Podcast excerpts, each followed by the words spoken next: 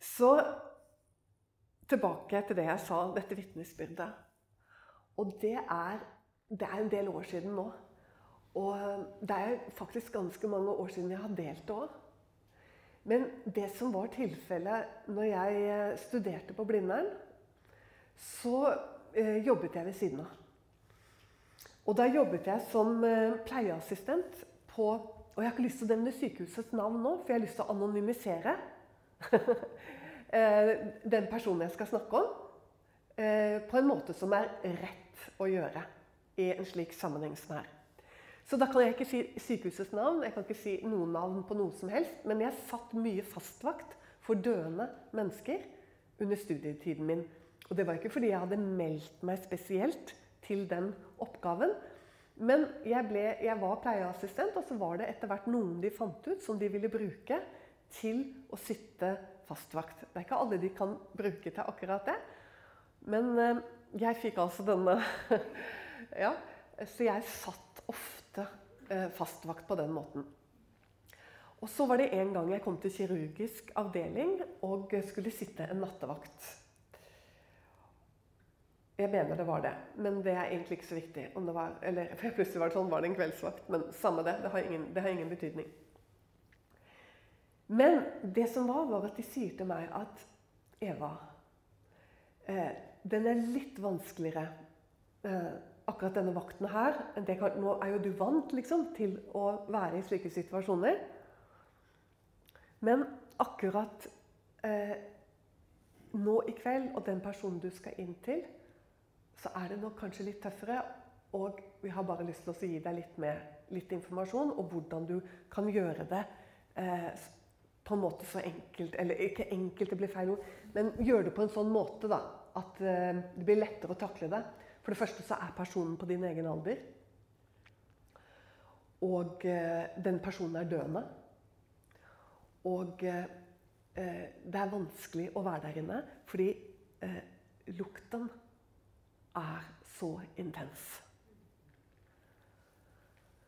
Og han har smerter. Vi prøver å gjøre ikke sant? De er blitt flinke med smertebehandling, men dette er en del år siden nå, så de var ikke så gode da. Men vi har satt en stol, så alle som sitter inne hos ham, sitter godt tilbaketrukket i rommet fra sengen hans. Og så fikk jeg da bare instruksjon i hvilke rutiner og sånn og sånn som måtte utføres. Og ja, helt riktig. Selv om jeg hadde sittet fastvakt i mange år og kjente til mange forskjellige situasjoner, så ble det overveldende idet jeg kommer inn i rommet. Eh, først og fremst på dette som de fortalte meg, men også det å møte en på din samme alder ikke sant, med, ja, som er, er, ligger på det aller siste og er helt klar. Helt klar. Helt klar i blikket. Klarer ikke å kommunisere, men øynene er helt klare. Og, og, jeg gjorde det jeg skulle, og satte meg tilbaketrukket i stolen som var plassert inne i rommet. Og det som ble vanskelig, det, det var det de for, Jeg har ikke lyst til å si det så mange ganger, men det var det de forberedte meg på. Og det ble faktisk ganske uutholdelig. Og jeg lurte litt på hvordan jeg skulle greie det. Så jeg begynte å be til Jesus mens jeg satt der inni meg. Og jeg satt og ba inni meg. Og så fikk jeg nok antageligvis da bare en minnelse. For jeg kan ikke si at jeg hørte noe røst. eller at, Jeg vil ikke si sånn at Gud sa 'ta stolen din'. Nei. Men jeg fikk en innskytelse. Så jeg tok bare stolen min med meg. og så gikk jeg helt bort til sengen hans. Og så satte jeg stolen helt inntil sengen. Og så så jeg den store hånden hans som lå oppå dynen. Så tok jeg den hånden, og så la jeg den inni min hånd. Og så satt jeg helt inntil sengen.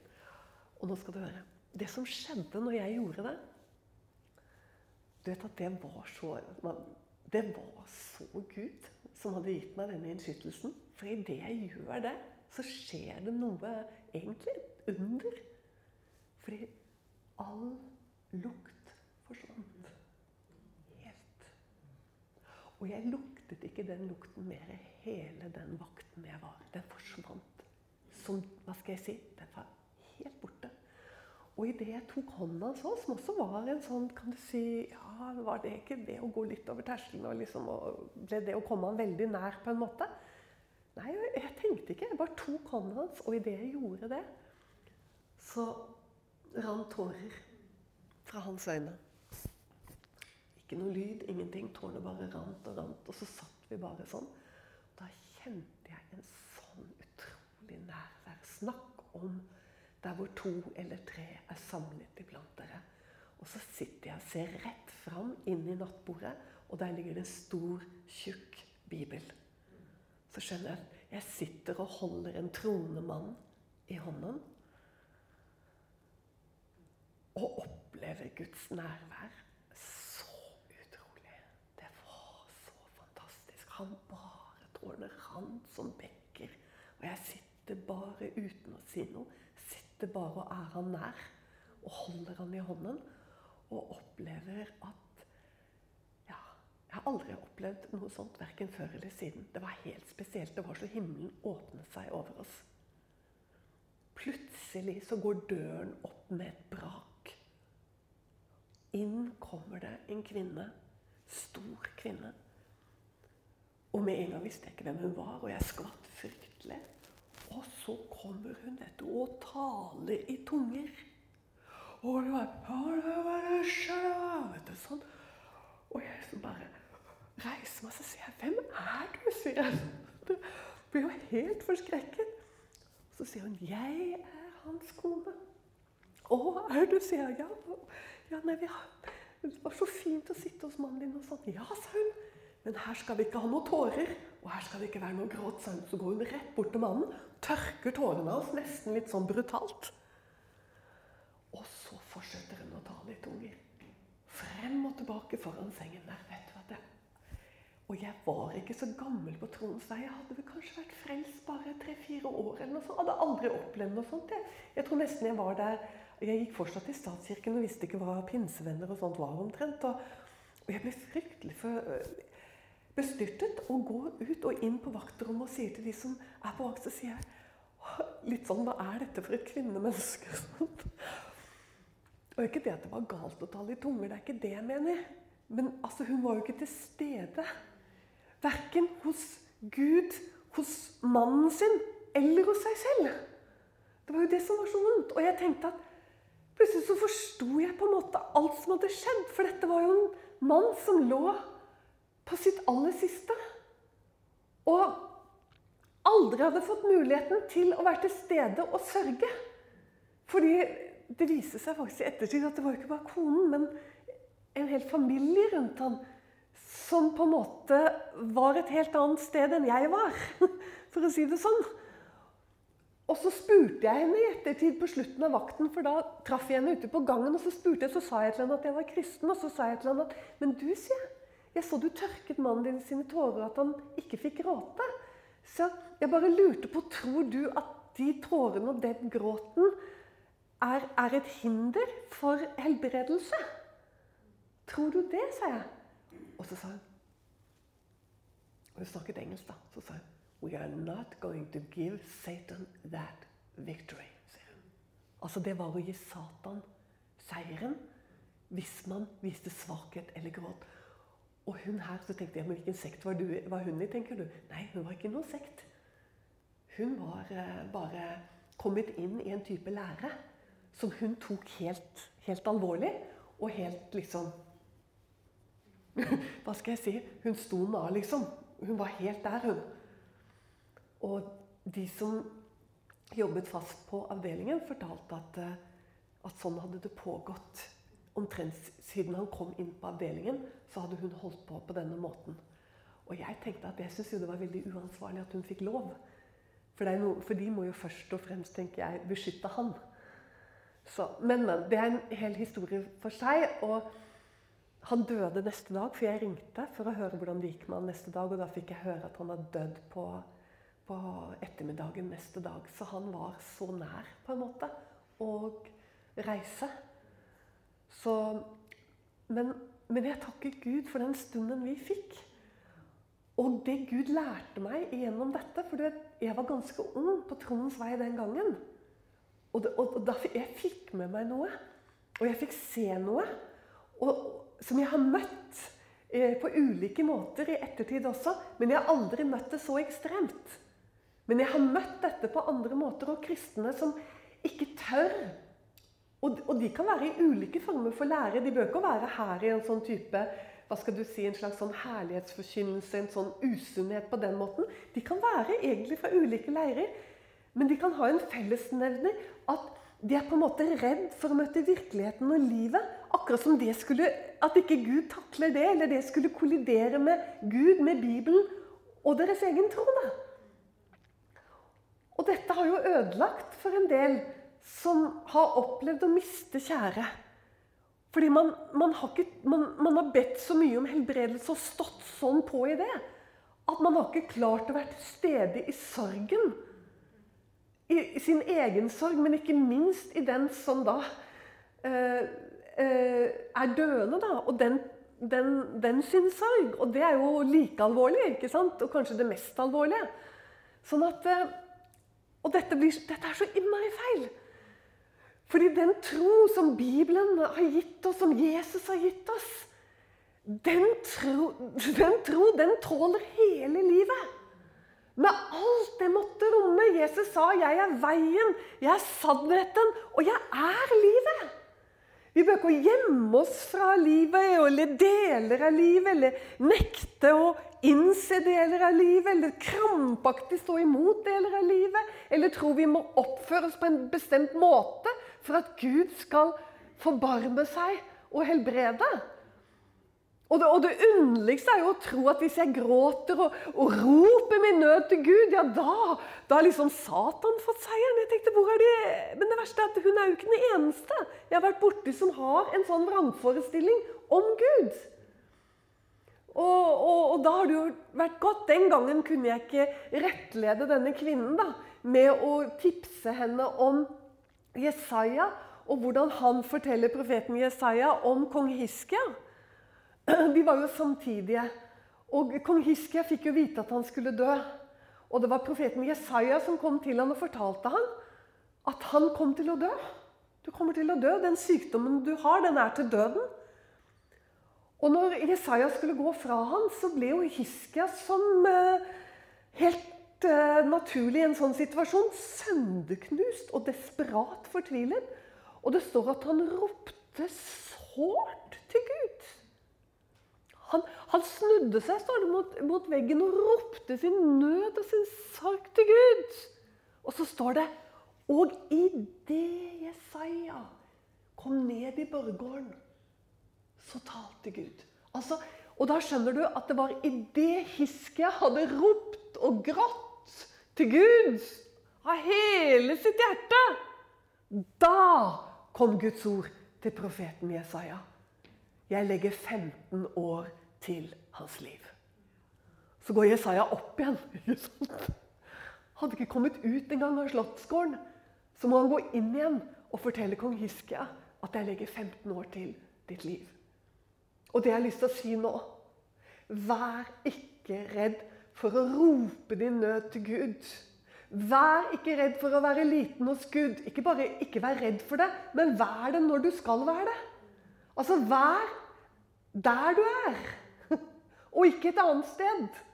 Fordi Gud er sannheten, og han kan egentlig bare være der. Hvor du egentlig er. Så hvis vi da prøver å ta oss sammen Å ta oss sammen og jeg må bare ta meg sammen. Og noen ganger så lurer jeg på hvem er det vi tar oss sammen for. Tar vi oss sammen for Gud, eller tar vi oss sammen for oss selv? Eller tar vi oss sammen for familien? Og noen ganger må vi ta oss litt sammen. Kanskje for barna eller andre. Noen ganger krever livet at vi tar oss sammen. Sant? Men overfor din himmelske pappa så trenger du ikke å ta deg sammen. Hør her, du har fått barnekår. Han vil ikke at du skal late som du er et annet sted enn der du er. Ja, men altså det, Jeg må bare jeg, Da kan jeg bryte helt sammen, da. Var det en som sa til meg en gang jeg sa at du kunne prøve å være helt ærlig overfor Gud? Ja, men da kan jeg bryte helt sammen, da. Og jeg skjønner litt hva hun mener. For hvis du har liksom under hele ditt kristenliv drevet og tatt seg sammen, og så sier noen til deg at du kan få lov å senke skuldrene og du kan få lov å gråte, hos, gråte ut hos han. Han tåler det. Og han tåler også at du sier at du ikke orker mer. Og at du ikke greier mer. han, han tåler det helt fint, skjønner du, fordi han orker mer. Og han greier mer. Og noen ganger så tror jeg han har lyst til å bare løfte oss opp og plukke oss opp. Om, om det nesten er sånn at han må, han, må, han, må, han må, sette oss sammen igjen, så kan han det òg. Han, kan til og med lege sønderknuste hjerter og sånne ting som ingen mennesker kan. Vi kan ikke sånt. Men Gud kan sånt som ikke vi kan. Han, han kan plukke deg opp når du ikke orker noe som helst mer. Så kan han eh, få deg på beina igjen helt fint. Og han kan gjøre deg gladere enn du noen gang har vært. Og det kanskje fortere enn du hadde trodd. Altså, og det er her han viser sin allmakt. Og det er jo akkurat derfor, for det er mange som spør, og Jobb begynte å spørre, vet du, fordi at ting begynte å ramme han. Og han hadde ikke vært noe særlig ramma før han. Han hadde opplevd at det å, å, å være en trone, det var, eh, det var, så fantastisk, og Gud var så god, og Gud hegnet om ham på alle kanter. Men plutselig så begynte han å krasje med det ene tingen i livet etter det andre. Og, og, og han begynte å tenke at eh, hva, Har han blitt min fiende? Bryr han seg ikke lenger? Har han forlatt meg? Er det noe jeg har gjort? Men samtidig så ransaket han seg, så visste han at ja, men det er jo ikke noe jeg har gjort. Jeg har jo ikke gjort noe. Og ja, han hadde helt rett. Han hadde ikke gjort noe. Det handlet, ikke, det handlet ikke om hva han hadde gjort. og Mange av dere som sitter her, vet hvorfor han ble ramma, for dere kjenner prologen. Men om du ikke kjenner prologen, så har jeg ikke tenkt å gå inn i det nå, for da kan du lese første og andre kapittel selv i kveld. For det Jeg har ikke lyst til å gå inn på det, for det er ikke alltid Satan det handler om heller. Det at vi blir rammet. Det er verden som sådan. Og det kan være vårt eget kjøtt noen ganger også som gjør at vi blir rammet. Det kan være alt mulig. Vi lever i verden. Jesus sa, 'I verden har dere trengsler, men se, jeg har overvunnet verden.' Og du skjønner, Det er nettopp gjennom trengsel og byrder og problemer at vi får oppleve hvor mektig han er. Og hvor utrolig Altså, Det er jo her han viser hvem han er.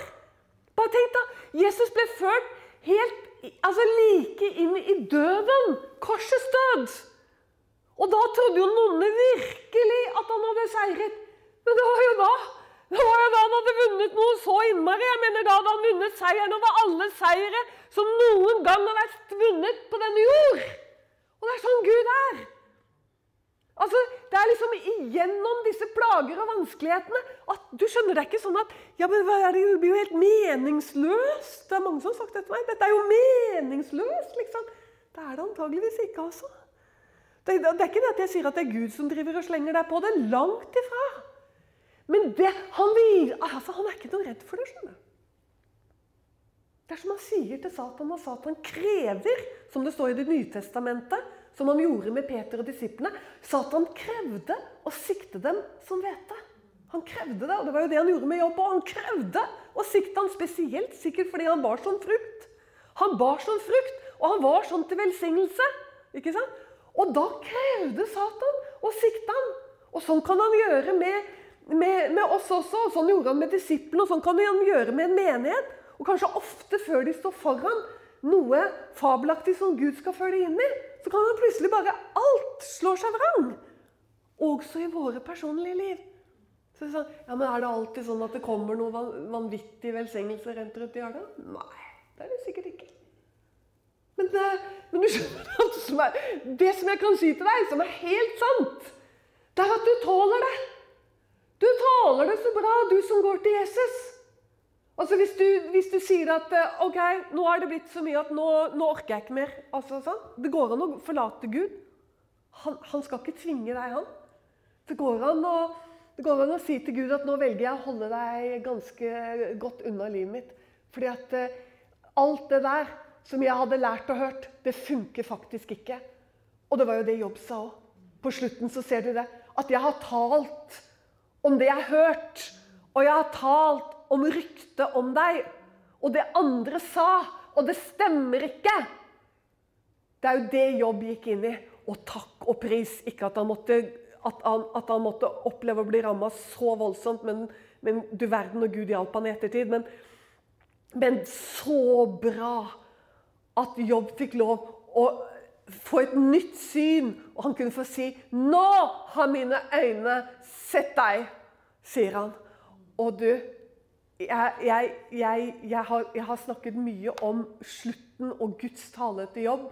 og Det, det kan du finne selv. Hvis du har lyst til å å, å gå og høre om det. Og det, som jeg sa, det ligger på nettet, men det er ikke dit jeg vil i dag. I dag vil jeg der som er selve midtpunktet i Jobbs bok. Du vet at Jobb, selve rullen, skriftrullen, den var jo ikke delt inn i kapitler. Det er jo noe som har skjedd langt i ettertid. Men jeg er ganske sikker på det. For selv om det er kapitler i jobb sant, nå, så er den nesten i midten. Det gjør at jeg er ganske sikker på at uten kapitler så er det i midten, det som skjer i kapittel 19. Og det er så sårt. Da er Hør nå. I kapittel 19 så taler Jobb på en måte som han ikke taler, syns jeg, med så stor smerte noe annet sted. Han er, han er vel kanskje der så dypt ned som han kan komme. Og det gjør så vondt som det ikke har gjort ennå. Og så klarer han å sette ord på det. Og jeg vil lese for deg litt av det Jobb setter ord på i kapittel 19. Og han sier hvor lenge Nå snakker han til disse vennene, da. Jeg må ta en liten parentes her. Du vet, Han har jo disse vennene som kommer for deg som ikke har hørt på en stund. jobb. Han har en som heter Elifas, han har en som heter Bildad, og han har en som heter Sofar. Og de brukes på en utrolig måte her i forhold til at Gud tillater en masse, at en masse galt blir sagt om han, og har kommet ned i Bibelen. Så vær forsiktig med å sitere fra Jobbs bok. Sjekk hvem du siterer. For Det er det som er så vidunderlig med, med Guds ord og med Bibelen. Sant? Det er jo det at hele Bibelen er Guds ord. Men alt som står inni her, er ikke sant.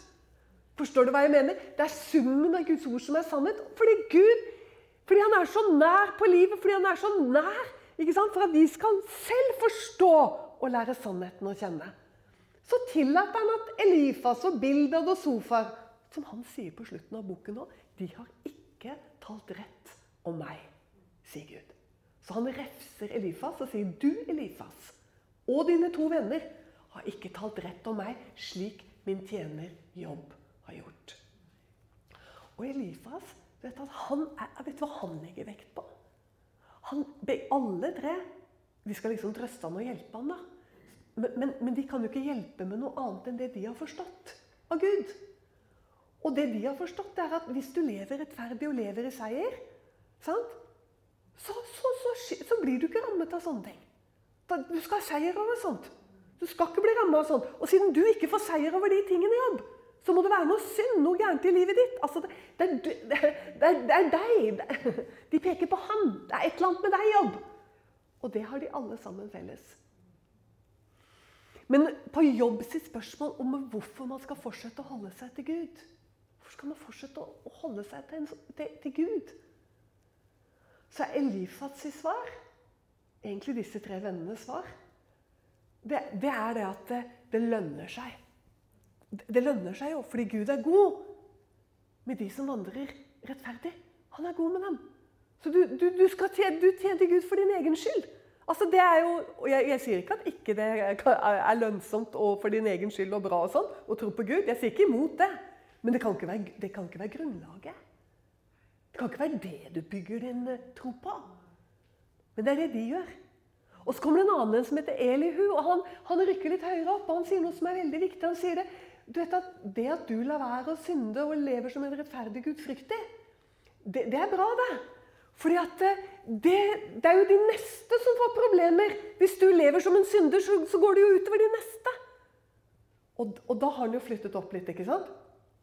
For liksom, her var det deg selv som var fokus. Men så sier Elihu Det er en sånn fjerdeperson som kommer inn. Og han sier ja, men det er jo pga. det neste. Og det er flott. Og det er, som jeg, det er som jeg har sagt, det er jo limet det. iblant oss. Det er jo det. Sant? At ikke vi lever som noen store egoer men at vi faktisk lar være å synde fordi vi bryr oss. Fordi kjærligheten søker ikke sitt eget. Kjærligheten bryr seg om sin neste. Og faktisk sa Jesus til oss, og før Jesus også, så sier Guds ord at vi skal elske vår neste som oss selv. Så det var jo veldig bra. Men så kommer Gud etter Elihu, og han kommer og demonstrerer for jobb. Viktigheten av å tro på Gud fordi Gud er. Fordi han er. Og fordi han er sannheten. Og fordi han er virkeligheten. Og fordi han er livet. Og fordi du kan se han overalt. Og fordi at det å tro på Gud er å være i sannheten. Så er det noe som har skjedd med jobb midt i boka, som er det viktigste av alt. Og der tenker jeg Der kommer åpenbaringen din. Der kommer det at det, det der der kan du ikke se. Akkurat som Jesus sa til Peter. vet Du Du kan ikke se dette uten at det er Gud som åpenbarer det. Og det skjer altså etter at Jobb har satt Ikke etter at han har satt ord på det, men, men her hos oss så kommer det slik. Først kommer all jobb smerte, og så sier Jobb Men jeg vet at min gjenløse lever. 25. verset. Jeg vet at min gjenløse lever. Og som den siste skal han stå frem av støvet. Vet du, nå fikk jeg veldig lyst og så bare eh, bli borte et par sekunder. Du tåler det? For jeg skal hente mobilen min og så skal jeg lese den også på engelsk for deg. For der står det enda bedre enn i noen norske oversettelser. Og jeg må bare hente den. Jeg skal lese fra New International Version. Og det er etter min mening en av de beste engelske eh, oversettelsene. Altså Bibelen er på engelsk. New International Version.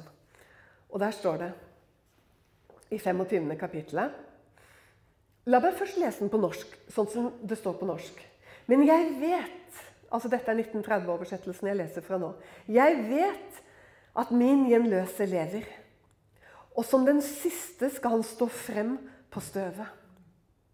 Og etter at denne min hud er blitt ødelagt, skal jeg ut fra mitt kjød skue Gud.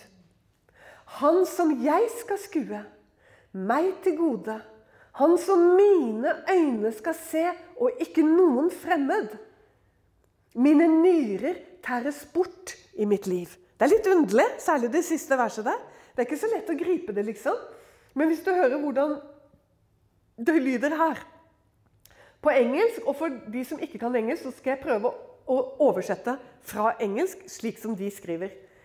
I know that my Redeemer lives. And that in the end, du? In the end, he will stand on the earth. Oh, fantastisk. For en profeti. And after my skin has been destroyed, yet my flesh, yet in my flesh I will see God. Og så kommer det I myself will see him with my own eyes. I and not another. How my heart yearns within me. Er det ikke flott? Det står Første vers er ganske likt. Jeg vet at min gjenløse lever, men det kommer allikevel tydeligere fram. Her og, står det, til slutt skal han stå fram på jorden. Slik sier oversettelsen fra International Version, og så kommer det Og etter at min hud er ødelagt, skal jeg gjennom min kropp eller gjennom mitt legeme se Gud. Altså Eller i mitt kjøtt, så skal jeg se ham. Og så sier han Så står det Jeg, altså meg selv, skal se ham. Med mine egne øyne skal jeg se ham. Jeg, og ikke en annen. Hvordan mitt hjerte lengter inni meg. Å, Jeg blir jo litt snål av å stå her, men det er jo så fantastisk! For en profeti! Tenk deg denne boka regner man Altså, Vi vet at den er, eh, behandler en mann som må ha levd på patriarkenes tid. Fordi han levde med en type ofringer som var helt forbudt etter Moses. Så det vi vet, er at han levde på patriarkenes tid. Dette er en eldgammel historie. Hør nå. Men den er skrevet ned på Moses sin tid. Hvordan vet vi det? det må være etter Moses. Fordi han bruker gudsnavnet, Javé, og Javé-navnet det ble åpenbart fra og med Moses. Og Derfor vet vi også at det er noen, enten Moses selv eller noen andre etter han, som har skrevet også første Mosebok.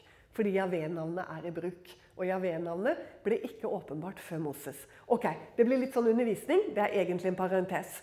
Men hvor fantastisk! Hvor fantastisk! Og han bruker dette gjenløsernavnet også. Ta med det òg. Det ble fra og med Moses. Før Moses er det ingen, ingen omtale av Gud som gjenløser. Gud ble gjenløser fra og med han ledet dem ut av Egypt. Det var da han ble gjenløser. Da ble han gjenløser for sitt folk. Så når han da roper ut 'Jeg vet min gjenløser lever', det er jo helt fantastisk. Og så sier han 'Og som den siste skal han stå fram på jorden'. Hæ? Han forteller rett og slett at han kommer igjen. Han ser, altså han, han ser Jesu Kristi komme. Han går forbi Betlehem og går rett til avslutningen. At han skal komme igjen. Og så sier han ikke, og ikke nok med det, han også beskriver oppstandelsen. Ikke bare skal han komme igjen, men jeg skal se han. Og hvordan skal jeg se han? Selv om, selv om huden min og alt råtner i graven, så skal jeg gjennom min kropp se ham. Det er jo nesten bedre beskrevet enn Nytestamentet. Altså, det står helt klart. Vi, og så sier han Og ikke en annen. Nei, det er meg. Det er hele meg, meg, meg selv, som skal se han med mine egne øyne. Igjennom denne kroppen her skal jeg få lov til å se han. Og du vet, det er dette som skjer når jobb er som aller mest knust. Så kommer denne åpenbaringen. Jeg vet min gjenløser lever. Og jeg har lyst til å si til deg at ikke bare den gangen du ble frelst, men hver gang verden, Satan, omstendigheter, sykdom, hva det måtte være, knuser deg. Kanskje ikke så mye som i jobb, men knuser deg. Sånn at du føler at du ikke orker mer. Så skal du vite det, at da er han så ufattelig nær. For det står at han bor i det høye og hellige, og så bor han hos hver den som har et sønneknust hjerte, for å lege det og for å gjøre deg hel igjen. Sånn at det som kommer fram her i jobb, det er det som skjer hver gang med denne gjenløseren som vi får lov til å tro på. Og Derfor er det så viktig at forkynnelsen av Guds ord taler hele Guds ord. Sånn at ikke vi får en type tro som er anspent, anstrengt, kunstig, eh, religiøs, eh, innestengt. Det er utallige måter vi kan komme inn i dette på, og det er alltid så har det med forholdet til Guds ord å gjøre. At det skjer. Det er en del av ordet som blir parkert, og som ikke blir talt, og som gjør det. For ordet er 100% sunt og lærer oss å 100% stole på Gud og tåle livet, og at vi tåler det. vi tåler det fordi han har gått opp en vei som er så smal at du og jeg kommer aldri til å måtte gå på en så smal vei. Men uansett hvilken vei du går på, så vil det aldri bli slik at ikke Jesus kan nå deg. Kan alltid nå deg, og du kan alltid kunne si 'Jeg vet min gjenløser lever'. Og det var dette det var med Peter, dere. Du vet at Jesus visste det jo. Fordi hver gang Jesus forsøkte å advare ham, og sikkert andre av disiplene også, at han skulle lide og dø at veien til seier skulle gå igjennom smerte og noe som skulle bli trangere og vanskeligere inntil døden, ja, korsets død. Og han prøvde å forklare disiplene det. Men, og du kan se Flere steder i Det nye testamentet så trekker de seg unna. Når det blir snakk om smerte, problemene, at det blir vanskelig, at han absolutt ikke skal ta kongemakten med en gang, slik som de vil, og sånn som de ønsker det. Og han, Det står jo at han stakk unna dem noen ganger, for han var redd de skulle ta han og gripe han og tvinge han, liksom. Og bli med meg nå til Matteus til 16. kapittel. Du må ikke bla opp der, men da kan du, eh, hvis du ikke gjør det nå, så gjør det senere. Gjør det i kveld eller noe sånt. For der er det et kjempeviktig sted, og dette tror jeg skjer i Cesarea Filippi. at Jesus og disiplene er samla der. Og da er det at da står det i det 21. verset fra den tid begynte Jesus å gi sine disipler til kjenne at han skulle gå til Jerusalem og lide meget av de eldste og ypperste prestene og de skriftlærde, og at han skulle slås i hjel og oppstå på den tredje dag. Hør, hør, hør hva som skjer nå. De har undret seg hver gang han prøver seg på dette. Så, så, så, så undrer de seg. Men nå ikke undrer de seg. Nå går Peter i rette med ham. Peter irettesetter Jesus. Det er det det står i min bibel. Altså, han, han rett og slett går i rette med Jesus. Så på en eller annen måte så går han til og sier Jesus, nå må du slutte å snakke på denne måten. Jeg syns jeg ser det for meg. Sånn. Det er nesten litt sånn Vi skal jo ikke ha sånn nederlagstro. Sånn, skjønner du? Vi skal ikke ha sånn derre Vi skal ikke ha sånn derre nederlag. Ja, men det er jo det, vet du. Han sier det. Han irettesetter han nemlig. Du må slutte å snakke på denne måten.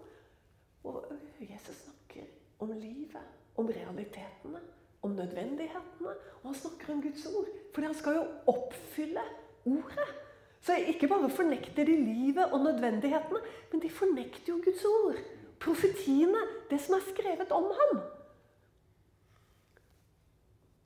Og da taler Jesus på en måte som han ikke gjør noe hans sted i Det nye testamentet. Og det er ganske tøft. Og Han snur seg mot Peter. Og det var jo helt nødvendig å stoppe denne ånden. Sikkert for sin egen skyld òg. Vik bak meg, Satan. Og det er ikke Peter han kaller Satan, men det er den ånd som taler til Jesus igjennom Peter. Vet du, Vi kan ikke gå rundt og snakke sånn. ikke sant? Nei, nei, nei, nei. Men Jesus gjør det her, og han gjør det sikkert bare én gang. Vik bak meg, Satan. Og så kommer dette. For du har ikke sans for det som hører Gud til. Men du har bare sansen for det som hører menneskene til. Er det interessant, eller? Hvordan skal vi forstå det? Jo, for det første så er det viktig å være klar over at vår fiende han har sansen for det som vi liker å høre. Altså sånn yeah! sånn, Seier! Det er litt sånn menigheten i Sardes, vet du. Den hadde navn av at det var liv. Sånn, her er det liv. Her er det, her, sånn, her er det ikke noe sånn nederlandssnakk og sånn. Her er det hæla i taket. Her er det liksom, her er det seier. Man må være forsiktig. For man kan faktisk altså ende opp inn under den de Jesus taler til her. Forstår du? Du har ikke sansen for det som hører Gud til. For du skjønner, det som hører Gud til, det, det er sannheten. Og det er livet. Og det er veien. Det, det har Gud sansen for. Men det har ikke han her sansen for. Han lager det til. Og det er det som skjer her. Og vi må være klar over det. At han er sånn. Du, det er ikke veldig lenge etter at eh, Peter sier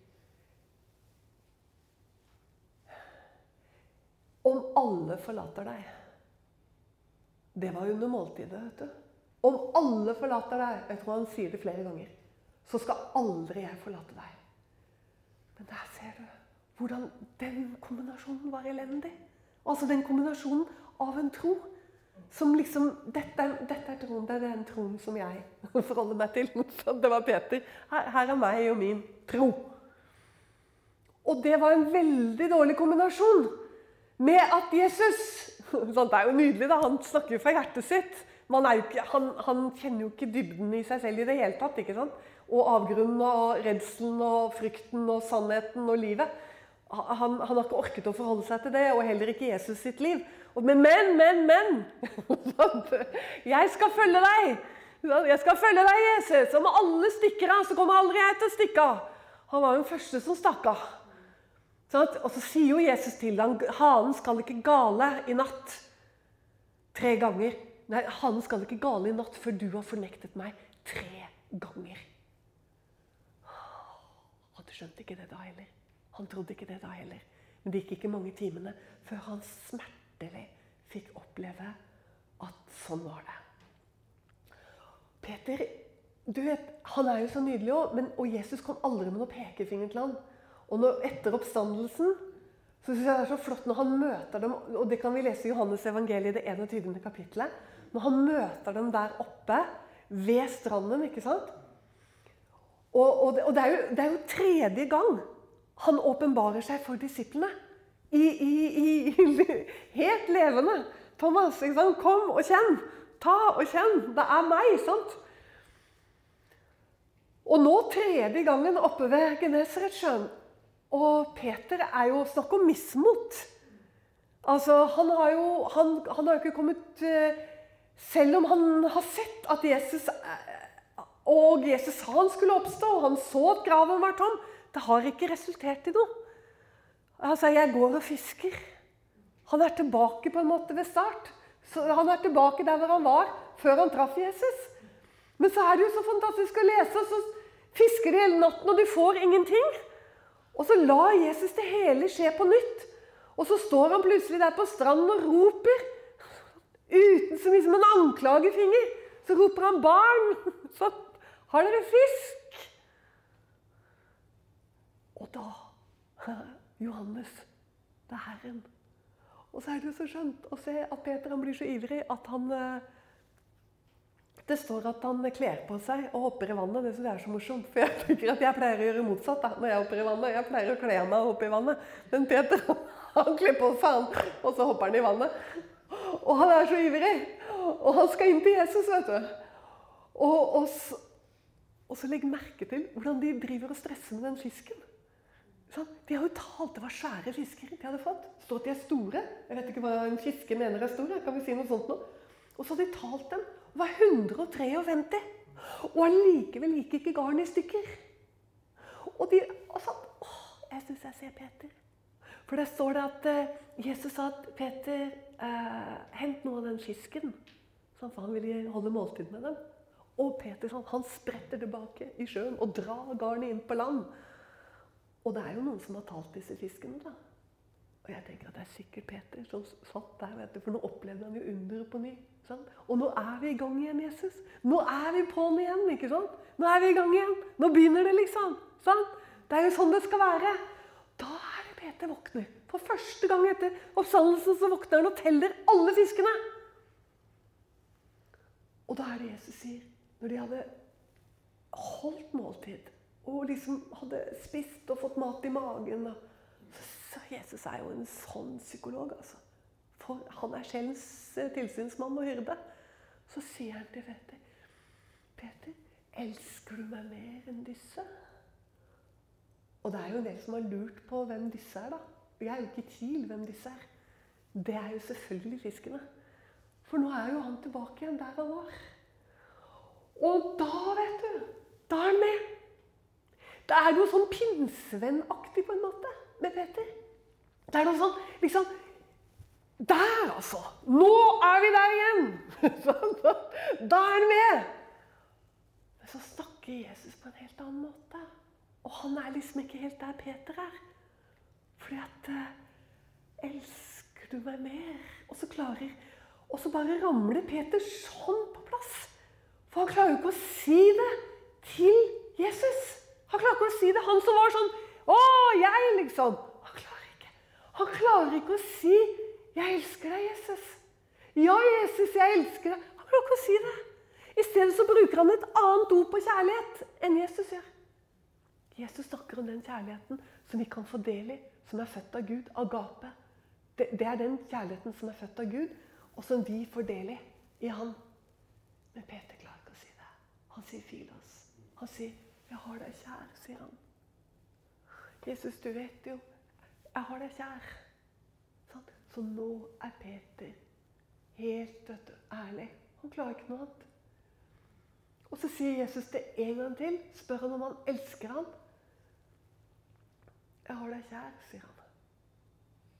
Sånn, å, få kjenne på sin eget svik. Og så spør han tredje gang, og da er det at Peter blir lei seg. vet du. For da går Jesus ned, og så sier han det. Så sier han ikke 'elsker du meg'? Han sier 'Peter, har du meg kjær?' sier han. Og da står det at han ble fryktelig lei seg. Sånn. For da begynner liksom Jesus å spørre om Men har du meg kjær, Peter? Men i den lille, forunderlige samtalen der ved Genesaretsjøen, så er det en mann som blir fullkomment leget. Og så taler Jesus profetisk inn i livet hans. Det er alltid snålt å si at Jesus taler profetisk, for han er jo ordet, liksom. Men i hvert fall Jesus taler til Peter, og så sier han da du var ung, da kledde du selv på deg og gikk dit du ville. Men når du har blitt gammel, Peter, så skal noen andre kle på deg og føre deg dit du ikke vil. Tenk hvilken nåde, tenk hvilken nåde Peter skulle få del i. Tenk hvilken nåde, hvilken forvandling. Og jeg sier til deg her i kveld at dette skjedde ved Genesaretsjøen. Ja, det var viktig med åndsdåpen som kom, men selve den derre at Peter kom på plass, det skjedde ved Genesaretsjøen. For legg merke til neste kapittel. Ja, men det er ikke noe nytt kapittel. Nei, det er det ikke. Men neste, når du blar om, der du har apostlenes gjerninger, første kapittel, se hva som har skjedd med Peter, da.